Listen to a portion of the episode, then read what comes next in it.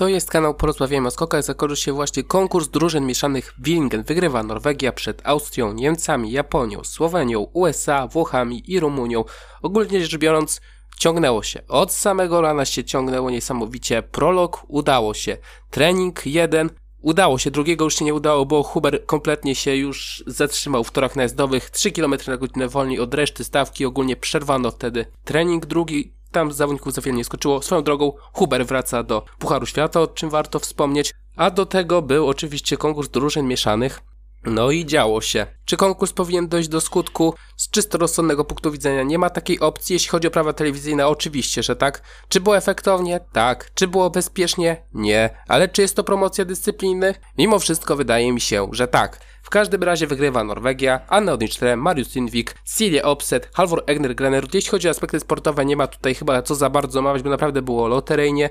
No poza tym ten konkurs był taki naprawdę męczący, mimo że finał był zacny, można powiedzieć, nie do końca z czysto sportowych pobudek, no to jednak Trzeba to omówić. Sztrem skoczyła bardzo dobrze, Lindwik też bardzo dobrze, chociaż z potężną lutą z przodu. Opset znów skok spóźniony, ale skok dobry i Granerud Fajny skok, nawet bardzo fajny skok z obniżonej belki, już w miarę normalnych warunkach, podobny zresztą do Krafta i w zasadzie cztery równe skoki to wystarczyło na zwycięstwo Pucharze Narodów i tym samym Norwegia wyprzedza Polskę w Pucharze Narodów. Drugie miejsce, Austria 35,5 punktu straty, Chiara Kreuzer, Jan Herl, Ewa Pinkelnik i Stefan Kraft. Kreuzer dostała potężny wiatr z niższej belki i troszeczkę już wykręcało ją przed samym lądowaniem, ale udało się to ustać tuż przed rozmiarem skoczni. Herl, występ w porządku. Pinkelnik nie wiem dlaczego aż tak słabo poszło, ale też na pojedynczych treningach nie do końca szło Pinkelnik, więc na tej skoczni ogólnie ona średnio sobie radzi. No i Kraft, lepsze warunki, prędkość lotowa, na końcu wiatr z przodu, no i ta sama śpiewka, chociaż w mniejszej skali co w Kulm.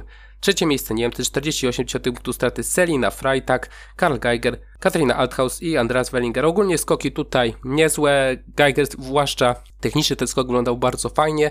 Ładnie lądowanie, ale też warunki super. Althaus, no ogólnie ta grupa poza Klinec, no to za daleko nie poleciała. No i Wellinger występ jak najbardziej w porządku. Czwarte miejsce Japonia, 74 i 80 straty Yuki Ito, Naoki Nakamura, Sara Takanashi i Ryo Kobayashi. Na początek Nakamura, no skok taki przeciętny, Sara Takanashi skok też przeciętny, jeszcze słabo wylądowany Ryoyu. No skoczył, warunki mocno średnie, ale to w zasadzie jest do pominięcia. Przy tym co się stało przy Yuki Ito, bo to jest pierwszy istotny moment omawiania tego materiału, no bo mamy tutaj do czynienia z najdłuższym oficjalnym skokiem w oficjalnej serii. Nie przy testach skoczni, co miało miejsce w 2004-2003 roku chociażby, tylko najdłuższy oficjalny skok. I tutaj Yuki to no po prostu nie dała rady. I o ile jeśli chodzi o Zajca, no to nie mam wątpliwości, że nie powinien być tak puszczony, a raczej warunki się na tyle zmieniły, że po prostu miał taką lutę, że musiał się bronić przed upadkiem. No to u Yuki i to tak jednoznacznie nastawiony nie jestem, tak jak większość, że nie gdzie puszczono zawodniczkę, przecież ona nie umie. Tak, nie umie. Rok temu ustała taki skok. I właśnie dlatego nie jestem tak jednoznacznie nastawiony do tego, bo po pierwsze, oczywiście długa belka, ale nie było nigdzie jakiejś szalonej wysokości przelotowej, nie wyniosło jej tak jak Zajdza, to był skok trzymany do samego końca, Yuki to ciągnęła ten skok do samego końca, nie cofała się, skok wylądowany, za bardzo cofnęła się na tyły nart. Ten skok był jak najbardziej do ustania i nie uważam, że było przestępstwem jakimś niesamowitym puszczeniem tak Yuki to, bo to jest zawodniczka, która jest w stanie jak najbardziej ustać ten skok. Zawodniczka jedna z najlepiej wyszkolonych technicznie, więc osobiście do tego konkretnego skoku nie mam się o co przywalić do jury w moim punkcie widzenia. Tak bym to określił. Oczywiście można to zrobić, że za daleko, ale wydaje mi się, że całościowo ten skok naprawdę przez Yuki to był ustalny. Nie było żadnych gestów w stronę sędziów, tylko po prostu no pretensje do samej siebie. Na pewno skok nie będzie ustalny, no bo plecy, głowa, cztery litery, wszystko przejechało po ze skoku jeszcze do tego gogle zgubiła, ale wydaje mi się, że naprawdę to nie było przeskoczenie w skoczni w żadnym wypadku, bo skok był po prostu trzymany do samego końca i nie było to wypłaszczenie. To był skok jak najbardziej do ustania. Zresztą, tak jak mówię, rok temu ten skok udało się ustać, to było raptem pół metra mniej. No i przy okazji, no, autorka najdłuższego skoku po raz kolejny, jeśli chodzi o kobiety skoki narciarskie, no już niedługo, już niedługo wiket, więc takie rzeczy nie przejdą. Dalej, Słowenia, 83,2 punktów straty, Nika Krishnar, Ziga Jelar, Emma Klinec, Timi Zajc. No i zaczniemy tutaj od Krishnar, no bo Krishnar skok jej nie wyszedł, spóźniona, zastawiona, chyba jeszcze dostała lutę z przodu, zaraz za progiem ją zastawiło i w uśrednim czycie było no niewiele odjęte i wydaje mi się, że skok był słaby, a jeszcze te warunki po prostu tak dobiły Krishnar, że no nie było co zbierać. Jelar skok w porządku, Klinec bardzo w porządku, skok ogólnie mnóstwo odrobiła w swojej grupie, no bo to była ogromna różnica, bo reszta nawet do punktu K miała problem, żeby dolecieć ona w okolicy 140 metrów. No i chcę się powiedzieć, Jezus Maria, 161,5 metra, czegoś takiego dawno nie widziałem, bo to jest takie, no bliskie porównanie do tego, co stało się za Honenem, no 14,5 metra za rozmiarem skoczni, który i tak został niedawno przesunięty o 2 metry dalej. No i tak to był skok strasznie skracany, no Zajc nie miał szczęścia, autentycznie nie miał szczęścia, został opuszczony na bardzo dobre warunki gdzieś tak od 70 metra po prostu luta z przodu, taka jak u Kamila Stocha, że wysokość przelotowa była dużo lepsza niż przy Sapporo te kilka lat temu, no to Zajc nie za bardzo miał jak się bronić. Troszeczkę to była sytuacja jak z Tepeszem w 2013 roku w Harachowie, kiedy też dostał potężną lutę w drugiej fazie lotu i on już nie mógł się kompletnie wycofać, on już leciał na ten 220 metrów w Harachowie i na szczęście tam się nic nie stało. Jeśli chodzi o Honena, bo to była podobna sytuacja. On już wbijał na ten zeskok to samo, co robił Timmy Zajc i tam było stłuczenie kości ogólnie guziczej trzeciej układu guzicznego, a tutaj jeszcze nie do końca wiadomo co się dzieje, aczkolwiek nie jestem przekonany, że tam nic się nie stało. Zajc od razu złapał się za lewe kolano, ono tak dość dziwnie pracowało, czy to jest kwestia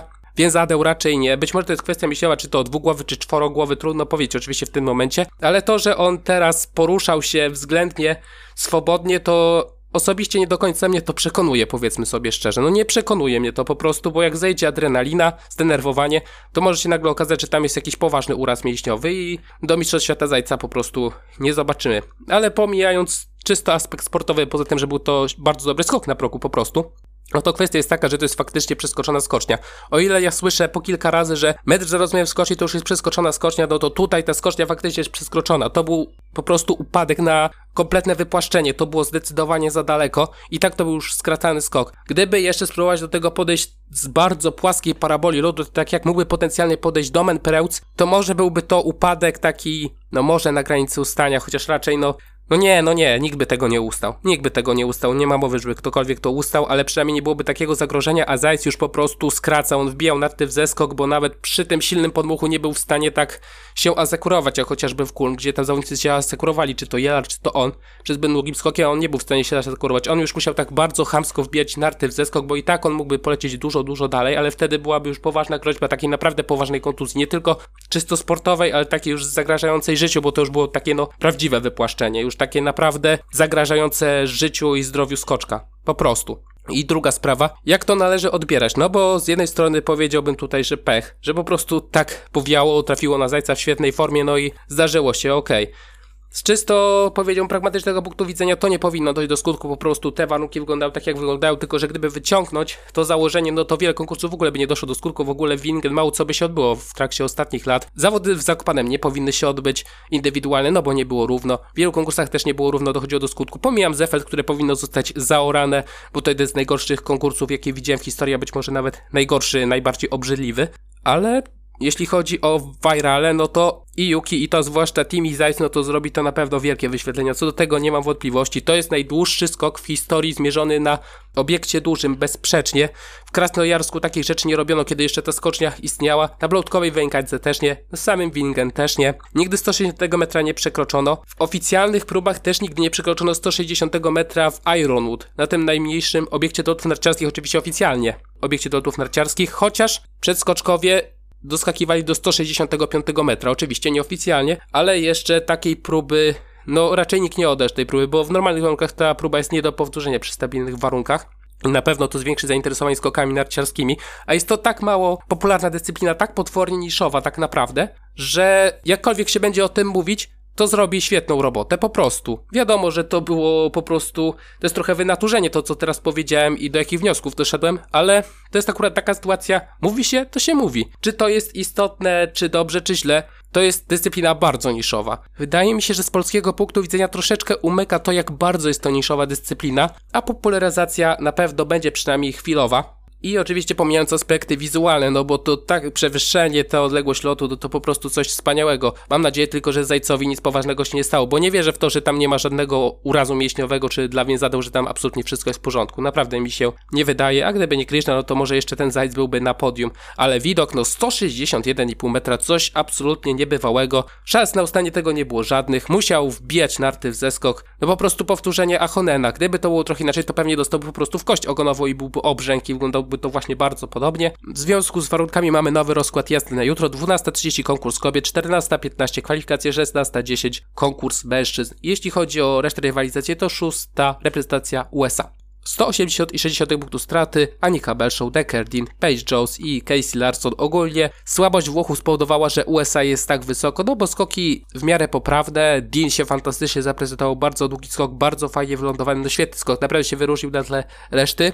Jeśli chodzi o Włochy, 241,8 punktów straty, więc no nie grosze, tylko ponad 30 punktów straty. Jessica Malziner, Francesco Cecon, Lala Marziner i Giovanni Bresado. Jeśli chodzi o siostry Martiner, to one strasznie krótko skakały. Naprawdę jeszcze przegrał ze swoimi rywalkami, jeśli chodzi o bezpośrednie starcie. Cecon, niby dobre warunki, ale znów gdzieś tam odchylenie w prawo, traci strasznie, jeśli chodzi o odległość. No i Giovanni Bresadola, warunki średnie, ale też chociażby skok nie do końca wyciągnięty, czy wyciągnięty, ale z takim lądowaniem, no typowo na dwie nogi.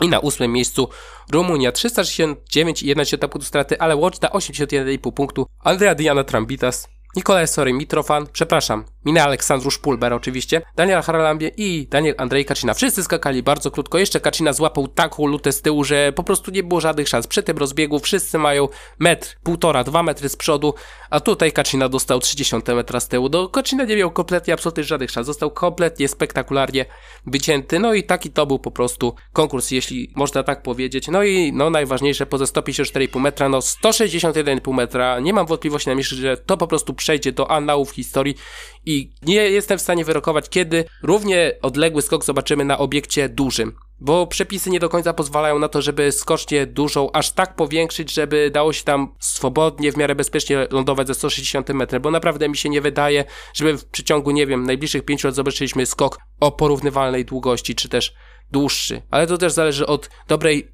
woli PiSu, żeby zmienili przepisy, żeby te skocznie mogły być po prostu nieco większe. Tak samo jak z lotami narciarskimi. Ponad 135 metrów względnej różnicy wysokości. Na razie te przepisy są niezmienne. Zresztą warto zaznaczyć, że w zasadzie Słoweńcy kiedy przebudowali letalnicę, to oni cały czas czekają na to, żeby ją jeszcze raz przebudować, żeby dało się na niej skakać 170, przepraszam, 270-275 metrów, ale do tego są potrzebne nowe przepisy umożliwiające większą różnicę między linią sędziowską a progiem niż 135 metrów w linii prostej, czy raczej jeśli chodzi o różnicę wysokości bezwzględnej. To tyle. Do usłyszenia.